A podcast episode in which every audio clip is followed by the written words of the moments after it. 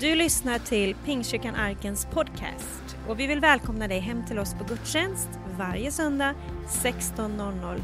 Välkommen hem!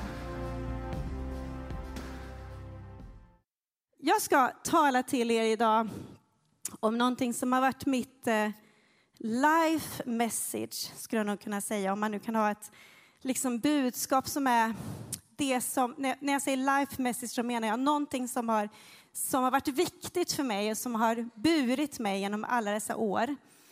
Eh, jag är 47 år och jag, någon gång som 20-åring så fick jag, ja men, lite, ja men runt 20, så fick jag möta Jesus på ett nytt sätt. Jag hade varit en kristen hela mitt liv, skulle man kunna säga. Växt upp i kyrkan, men när jag var runt 20 någonstans så kände jag att nu Gud vill jag eh, ta det på allvar i mitt liv på ett nytt sätt. Och eh, hade haft mycket jag behövde dela med i mitt liv.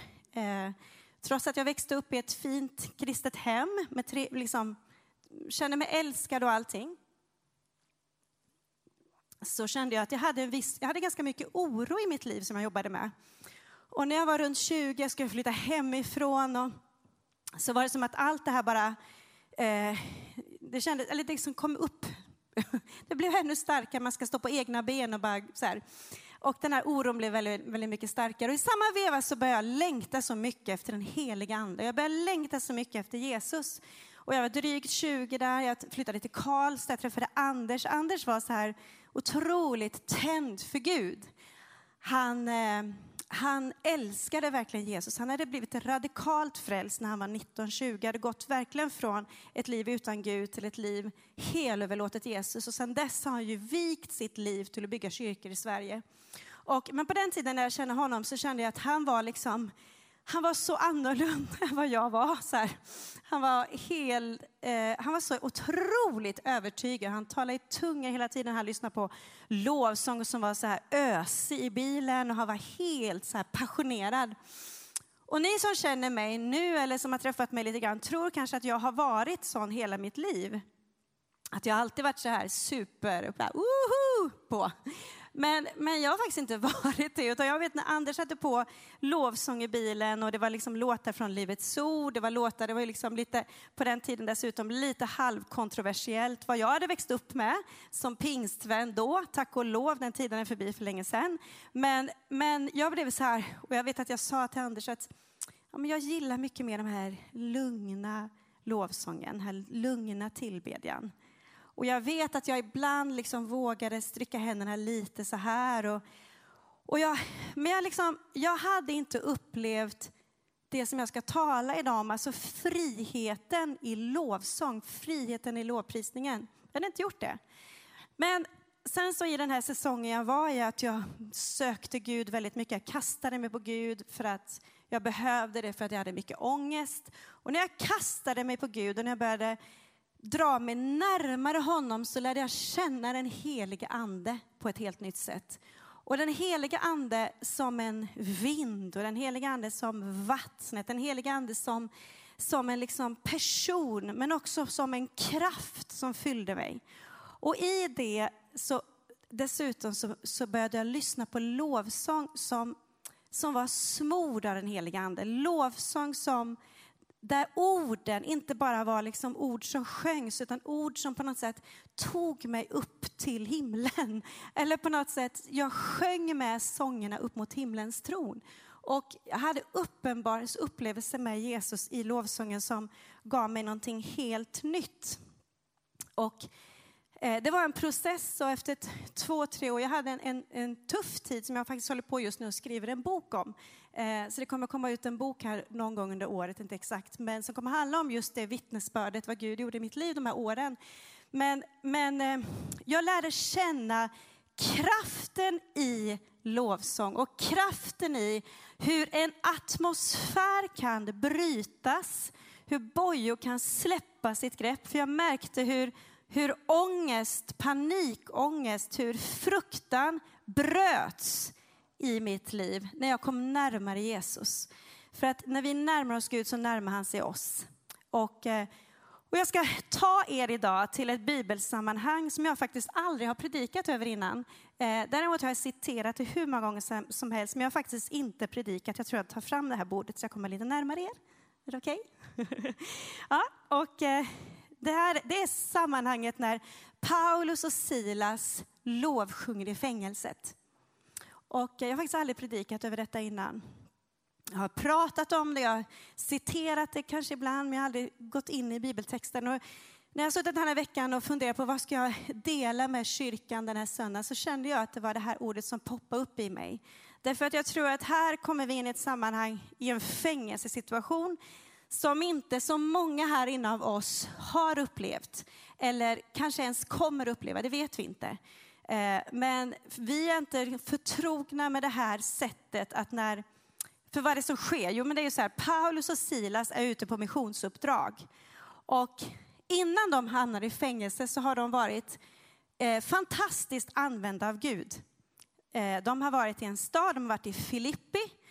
Och i Filippi så ser de mirakler ske, de har the time of their lives. Det är sånt där kristet liv som vi älskar att ha, eller hur? När Gud använder oss, det är spännande, allt är fantastiskt, allt är roligt. Och eh, mitt i det här så kommer det en, en tjej, det är en tjej som springer efter dem under flera dagar, säger det här bibelsammanhanget, eller när vi sen kommer in. Och hon har en ond ande i sig, alltså hon har en oren ande i sig. Och den anden eh, stör hela tiden Paulus eh, och Silas. Och eh, den ropar liksom att det här är Guds mordar, ni ska lyssna på dem. Eh, den här anden, eller den här tjejen då, säger egentligen inget eh, konstigt, utan den bara bekräftar egentligen vad det är de har för uppdrag. Men den stör det som Gud vill göra just nu då. Och Paulus och Silas av någon anledning låter bli att bry sig om den här tjejen i flera dagar, men efter några dagar så vänder sig Paulus eh, om till den här tjejen och säger i Jesu namn, far ut i henne. Och den här tjejen, hon hade varit en slav. Idag pratar vi om eh, trafficking, alltså det finns ju redan, även idag människor som utsätts för, alltså man är människoslavar. Och hon den tjejen, den anden hon hade var en, en ande som kunde spå, alltså en spådomsande, men en ond ande. Och när Paulus och Silas befriar den här tjejen, för hon blir omedelbart fri, så är det ju så att den här tjejen var slav hos några som tjänade pengar på att hon just kunde spå. Och det som händer är ju att när den här onda anden lämnar henne så blir hon ju fri och kan inte längre vara till hjälp för dem. Eh, utan och det vet vi vad som kan hända ibland när, vi, när inte pengar längre är till vår hjälp, eller hur? Om man vill ha pengar. Så de blir ju arga och driver Paulus och Silas och startar världens mobb mot dem. De startar en jättemobb mot Paulus och Silas. Och från att på morgonen ha vaknat, haft en fantastisk dag, seger på alla sätt och vis, helt plötsligt så blir de totalt liksom mobbade eller de blir totalt utstötta för att sedan hamna helt plötsligt i fängelse. Och det är där vi följer. Följ med i bibelsammanhanget. Apostlagärningarna 16 kommer upp på skärmen. Jag ska läsa några verser här. Så hamnar vi alltså i fängelset med Paulus och Silas. Vid midnatt var Paulus och Silas i bön. Nu ska vi, vi ska, vänta innan jag börjar läsa. Vi ska tänka tanken här nu. De har hamnat i fängelse. Det står dessutom tidigare i texten att de hamnar längst in. Alltså inte bara att man satte dem liksom i förvar. Vi kanske tänker så här svenskt häkte. Lite så här, nu vet, en del skojar ju om det, hur bra vi har det i de svenska häktena. Men det här var inne, längst in, i en fuktig, kall håla. Eh, jag var i en motsvarande fängelsehåla i Rom en gång och man säger att det här är typ som det såg ut vid det här tillfället. Det var ingen trevlig plats och det var definitivt inte en plats för lovsång som vi ska höra nu. Vid midnatt var Paulus och Silas i bön och lovsång till Gud medan fångarna lyssnade på dem. Plötsligt kom ett kraftigt jordskalv så att fängelset skakades i sina grundvalar. I samma ögonblick öppnades alla dörrar, dörrarna och alla bojor lossnade och föll av. Fångvaktaren vaknade och när han skulle, fick se att fängelsedörrarna stod öppna drog han sitt svärd och skulle just ta sitt liv eftersom han trodde att fångarna hade flytt. Till saken hör att om han, eh, en fängelsevaktare, faktiskt koms på med att inte ha kunnat hålla fångarna i förvar så var det just det som blev effekten. Han ställdes upp in på torget och avrättades. Så att han, det var ju inte så konstigt att han kände så. Eh, eftersom han trodde att fångarna hade flytt. Men Paulus ropade högt, gör dig inget illa. Vi är här allesammans. Då bad han om ljus och rusade in och föll skräckslagen ner inför Paulus och Silas. Sen förde han ut dem och frågade, Herre, vad ska jag göra för att bli frälst? De svarade, tro på Herren Jesus så blir du frälst, du och din familj. Och de förkunnade Herrens ord för honom och för alla i hans familj. Redan vid samma timme på natten tog fångvaktaren med dem och tvättade deras sår och han döptes genast tillsammans med hela sin familj. Sedan förde han upp dem till sin bostad och dukade ett bord, jublande glad över att han, han med hela sin familj hade kommit till tro på Gud. När det blev dag skickade domarna till sina rättstjänare och lät säga frige de här människorna. Fångvaktaren framförde detta till Paulus och sa, domarna har sänt budet att ni ska friges, så kom nu ut och gå i frid. Men Paulus sa att de, har piskats åt offentligt utan rättegång fast vi är romerska medborgare och kastat oss i fängelse och nu vill de skicka hem oss i hemlighet. Åh nej, de får komma hit själva och kasta ut oss, eller hämta ut oss. Rättstjänare framförde dessa ord till domarna som blev förskräckta och sen så kan vi stanna där. Vilken dag på jobbet för Paulus och Silas, eller hur? Man börjar morgonen på topp, man utför mirakler, Filippi vänds upp och ner. Eh, det skedde en annan sak här också, även Filippi. Det var en kvinna som hette Lydia som blev frälst. Hon, var, hon handlade med tyger och var en riktig entreprenör. Många människor i den staden. Det var alltså en, det var en riktig segersituation för Paulus och Silas. Tills det här händer, att miraklet ledde till att de blev utstötta och sedan hamnade i fängelse. Det är ganska intressant att se den här texten, för det står så här att vid midnatt var de samlade i bön och lovsång. Och jag tror att de flesta av oss här har någon slags liksom, erfarenhet eller känsla hur det kan vara när det är midnatt. Det är mörkt, det är mitt i natten. Om du är en person som kanske har svårt att sova så kanske du känner att ångesten börjar krypa på lite när klockan är över midnatt och du känner att nu borde jag ha sovit för länge, länge sedan. Nu börjar timmarna gå och jag är fortfarande vaken. Någon som känner det någon gång? Jag har varit med om det ibland. Alltså vid midnatt står för en situation där man känner att nu är det tufft. Nu är det mörkt. Dessutom var det så att de sitter fängslade i den här situationen. De sitter fängslade med kedjor, de sitter i en, i en, längst in i en fängelsecell. Och jag vet inte hur det är med dig, men hade jag varit i den situationen så tror inte jag att det första jag hade sagt till, till min kompis där, vem det nu hade varit, om det hade varit Evelina, säger Evelina och jag hade suttit fängslade, så är det inte säkert att det första jag hade tänkt var att vi säger, du Evelina, ska vi ta och lovsjunga lite grann nu? Eller hur? Hur är det vi reagerar ibland? Vi möter alla någon gång, förr eller senare i livet, den här situationen när det är mörkt. Chocken av ett sjukdomsbesked kommer. Eller någonting skedde på jobbet så du kände att det var helt orättvist.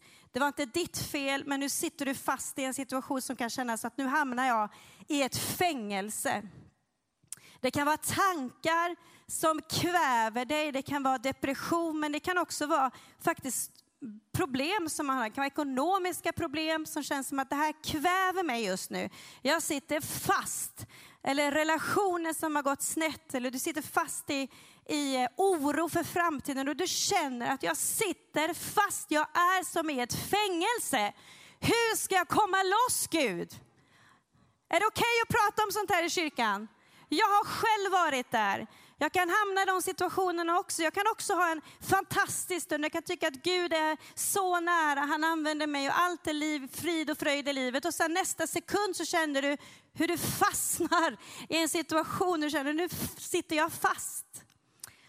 Men det Paulus och Silas gör, som är en, någonting som jag tror att, jag, eller som jag vill uppmuntra oss till idag, det är att de börjar lovsjunga och i sitt fängelse så börjar man sjunga om någon som är, precis som vi sjöng i sången här, greater than, ja, hur texten nu går, and the mountain that is, that's in front of me.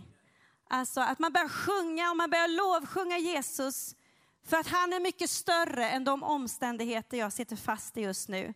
Gud är alltid värd att lovas, även om jag har det jobbigt just nu. Man lyfter blicken och istället för att se på sina omständigheter så lyfter man blicken och lovsjunger Gud. Vi vet ju slutet på den här berättelsen, men det visste ju inte Paulus och Silas. De kanske hade blivit sittande kvar där och lovsjunga genom hela natten. Och hade det varit så så hade de troligtvis blivit uppmuntrade av liksom, att de blev fyllda av tro. Men de satt fortfarande fast, men miraklet sker. Det står så här i texten att de andra fångarna lyssnade. Vet ni att människor lyssnar på oss? Människor som ännu inte har lärt känna Jesus. När de ser dig och mig gå igenom mörka vatten, svåra situationer, när vi är i vår midnatt, när de ser oss och förstår att vi har någonting som vi fäster vår blick på, så blir det ett mirakel. Och i det här fallet så blev de två, eh, Paulus och Silas, enkla lovsång ett mirakel för hela fängelset. Eftersom alla blev fria. Ja, ni får jättegärna applådera. Deras enkla bön gjorde att alla blev fria. Din lovsång kan befria någon. Din lovsång här i kyrkan när du står och hänger dig. Och du kanske sitter bredvid någon som kanske går igenom en mörk period, du har ingen aning. Men vet du att när du lovsjunger Gud, när du lyfter dina händer, när du höjer din jubel inför Jesus, så kan den som står bredvid se det och ryckas med och få sitt mirakler. När du och jag blir fria att lovsjunga Gud så befriar vi andra. Hur ska vi kunna befria Värnamo? Hur ska människor på ditt jobb, på mitt jobb, i skolan, eh, jobbarkompisar vi har, folk i stan här. Hur ska människor få uppleva friheten som finns i Jesus Kristus? Om vi själva sitter fast i, vad undrar vad folk tycker och tänker om mig? Om vi själva är bundna, men när vi får uppleva friheten i Jesus, då kan vi befria andra. Vi kan inte ta folk dit vi inte själva har gått. Om vi inte själva har gått till en plats av frihet kan vi inte själva leda någon till frihet. Men vi är kallade att vara ett folk som är fria. Och det är därför det är sån kamp ibland om att våga lyfta sina händer. Jag minns så väl när jag stod i kyrkan en gång för många, många år sedan, hemma i min hemförsamling. Och jag hade min mamma och pappa med och de hade bett för mig i många år. Jag hade varit en stökig tonåring. Och jag vet så väl vilken kamp det var för mig. Men hur jag bestämde mig en dag att nu ska jag lyfta mina händer. Och jag lyfte händerna i min församling hemma. Jag stod långt fram, jag inte om jag var 19 år gammal. För mig var det, det var en, en pris att betala. Jag tyckte det var jobbigt för jag visste att direkt efteråt skulle mamma rusa fram och krama om mig och det gjorde hon mycket väl. Men jag kan säga som tonårsmamma nu fattar fattar jag den glädjen som min mamma hade.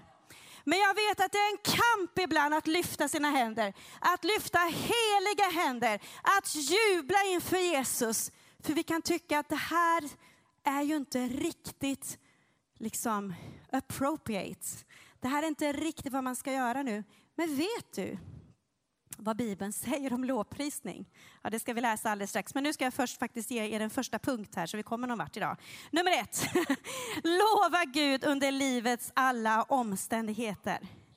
Lova Gud under livets alla omständigheter. Det är alltid rätt att lova Gud. Det är inte alltid lätt, men det är alltid rätt. Och Bibeln är full av omständigheter som visar det. Så här står det i Hebreerbrevet, titta på skärmen. Låt oss därför ständigt genom honom. Låt oss därför ständigt genom honom frambära lovets offer till Gud, en frukt från läppar som prisar hans namn. Ständigt. Om man slår upp det liksom, eh, grekiskans grundbetydelse av vad kan ständigt betyda, så betyder det faktiskt just ständigt. det betyder ständigt. Vad är något som är ständigt? Det är liksom om och om och om igen. Någonting som jag gör automatiskt. Bibeln säger också att det är en frukt från läppar. Vad är det för frukt som kommer från dina och mina läppar? Om vårt hjärta är fyllt av kärlek till Jesus så kommer frukten att vara lovsång, tacksamhet, kärlek till Jesus, lovprisning. Det är lätt att det blir andra frukter som kommer ut. Eller hur? Det kan vara saker som man kanske inte egentligen vill ska komma fram. Men när man lite grann, om man liksom lite grann blir lite trängd eller någon trycker lite på en, så kommer det ju ut det som finns här inne egentligen. Och därför så är den här predikan lika mycket till mig själv. Därför att jag är precis som du, en vanlig människa som blir provocerad av omständigheter och känner ibland att man tycker att det blir för mörkt. Men Gud, han är alltid värd vår lovsång. I livets alla omständigheter. Vi ska inte tacka Gud för allting. Bibeln säger att vi ska tacka i, i livets alla omständigheter. Vi kan inte tacka för sjukdom eller vi kan inte tacka för saker som är eller kamp eller när det sker saker, död, sorg. Men i alla omständigheter finns det någonting som är värt att tackas för. Vi är på väg till himlen. Vi har våra namn skrivna i Livets bok. Jesus är uppstånden.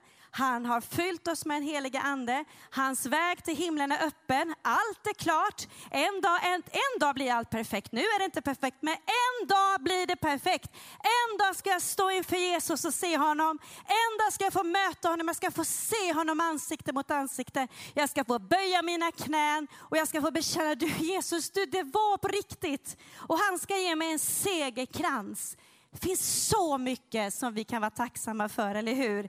Det finns en sång för varje säsong. Jag tar det en gång till. Det finns en sång för varje säsong.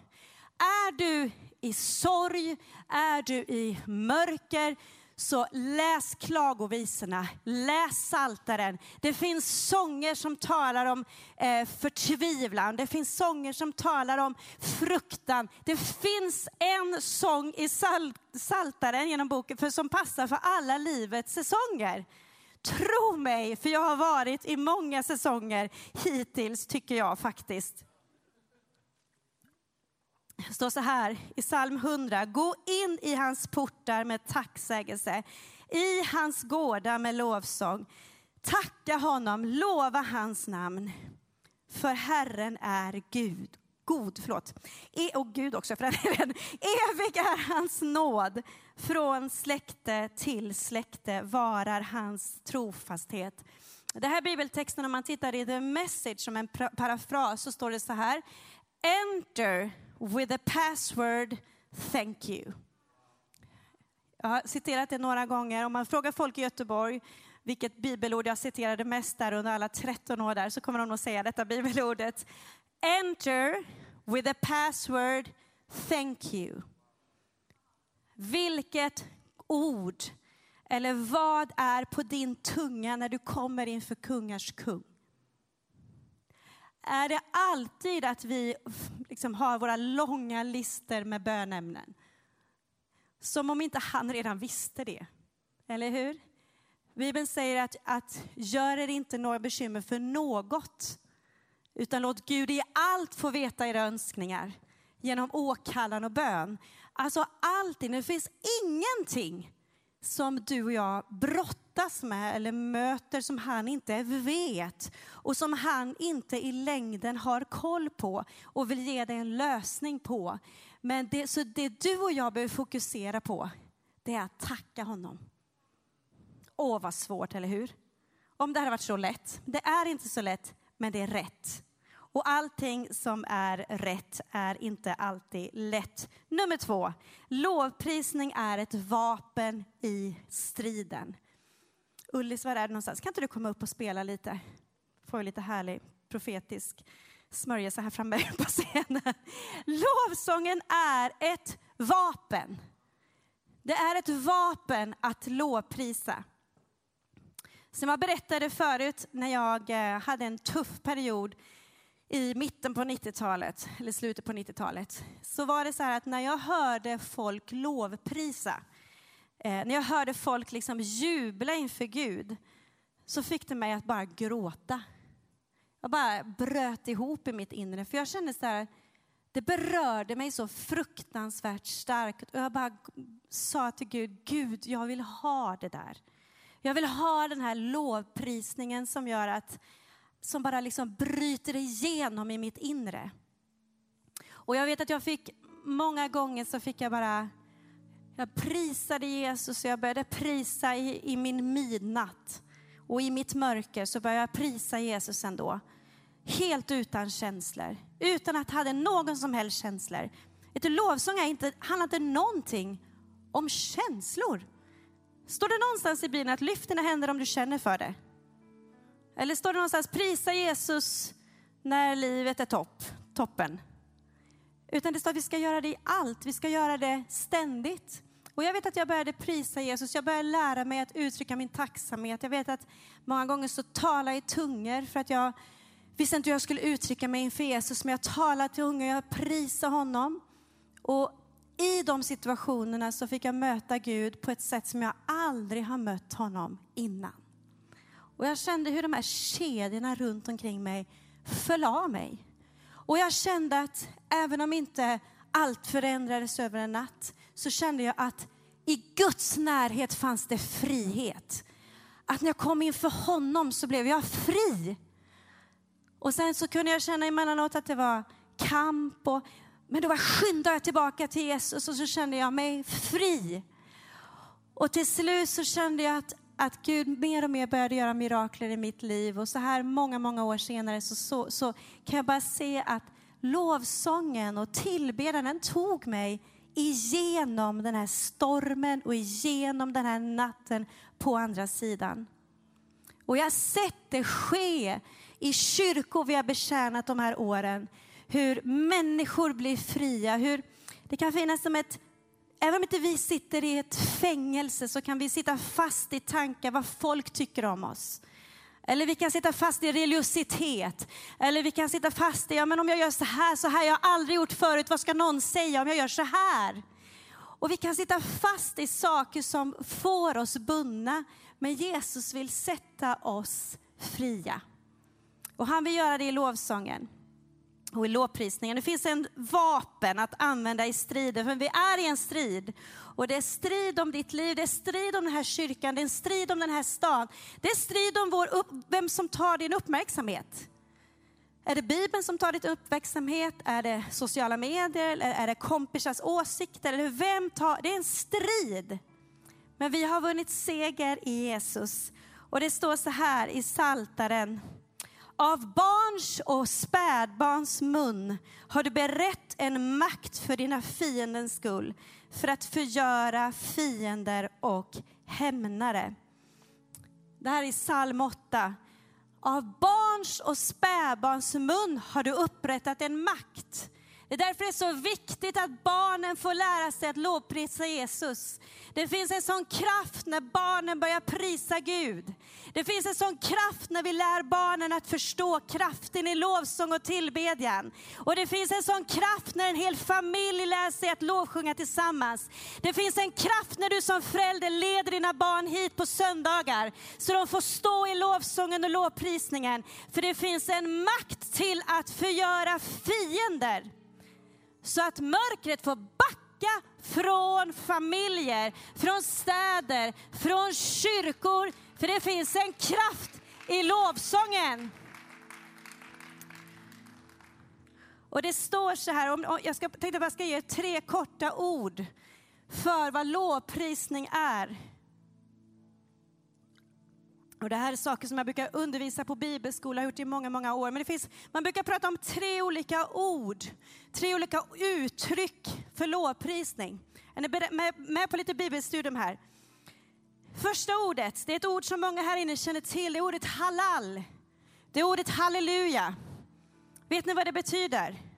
Det grekiska ordet halal betyder att ljudligt, med hög entusiasm, i en explosion av entusiasm, lovprisa Jesus. Det är Bibeln, ursäkta. Men det är det Bibeln säger. Att ljudligt, alltså tänk en hockeymatch. På en hockeymatch är vi okej okay med att vi skriker, vi jublar och woho! Eller hur? Men när vi kommer in i kyrkan ibland, så vad, vad är det som gör att vi tror att det inte tillhör Guds hus att prisa Jesus?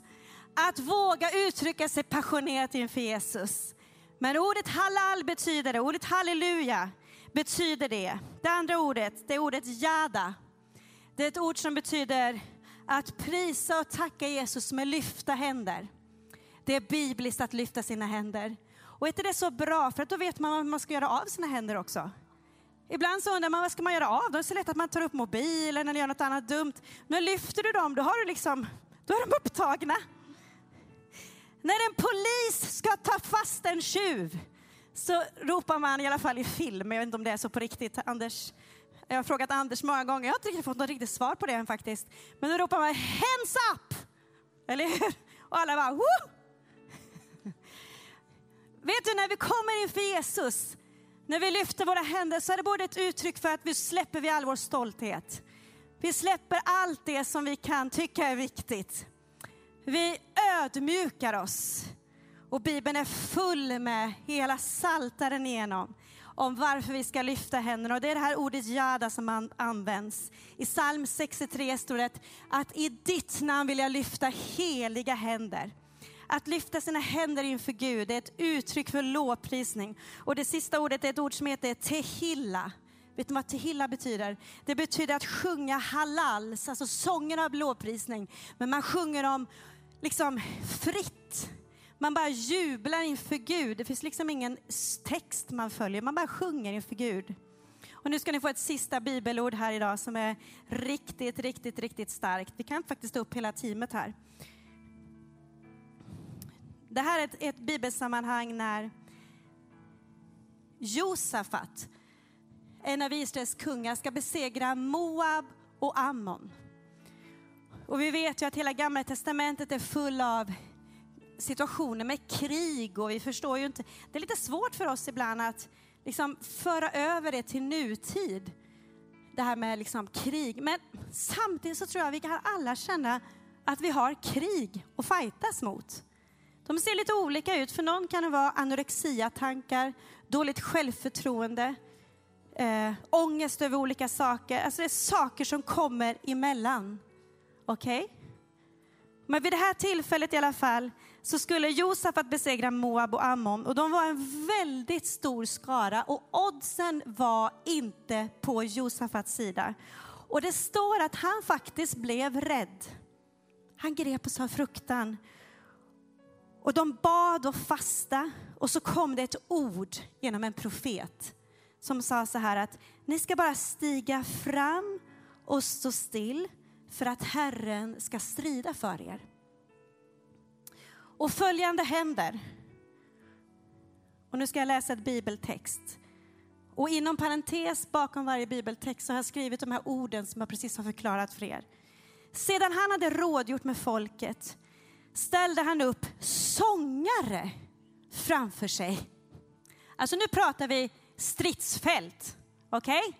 Vi är på ett stridsfält. Vem tänker att längst fram ska vi sätta sångarna? Jo, det gjorde Josafat.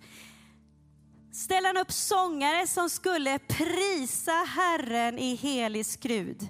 Och de skulle sjunga halals halalsalmer om, om en passionerad lovprisning. Ljudligt, skrytsamt, skryta inför, inför Gud. Och då skulle eh, i helig skrud, medan de drog ut framför den beväpnade Herren, de skulle sjunga tacka Herren med lyfta händer. Evig är hans nåd. Och när de började sjunga och lova, och här kommer ordet tehilla in, att sjunga orepeterat, man bara, man bara tackade Gud, man bara var i anden och sjöng. Lät Herren ett angrepp komma bakifrån på folket, från Ammon, Moab och Seirs bergsbygd, som hade kommit mot Juda, och de blev slagna. Folket från Ammon och Moab reste sig mot folket från Seirs bergsbygd för att förinta och förgöra dem. Och när de hade gjort slut på folket från Seir hjälptes de åt att förgöra varandra. Det var inte så trevligt uppmuntrande text. Men vad talar det om? Jo, längst fram i striden så stod lovsångarna. Varför tycker det är viktigt i kyrkan att lova Gud innan predikan? Varför lyfter vi fram lovsången gång på gång? Jo, därför att vi tror att när, när vi får vinna seger i anden, och vi använder de här andliga termerna, när vi får hjälpas åt att lovprisa, så blir människor fria så att ordet kan träffa hjärtan och människor kan bli fria i Jesu namn. Du har lyssnat på söndagens predikan från Pingstkyrkan Arken i Värnamo. Vill du komma i kontakt med oss eh, hittar du oss på arkenvemo.se. Välkommen hem till oss.